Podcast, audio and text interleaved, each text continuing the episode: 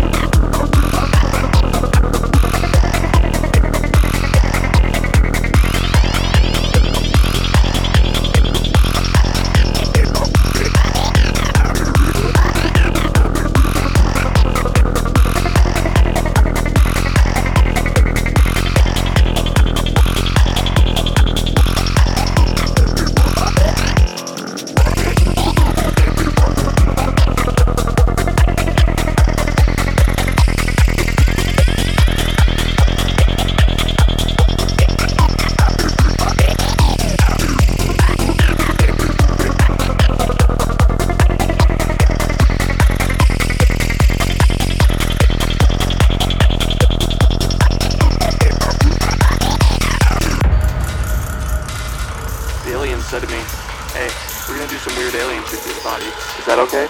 And I said, sure, fine, whatever. I don't care. And they said, great. And started doing their alien shit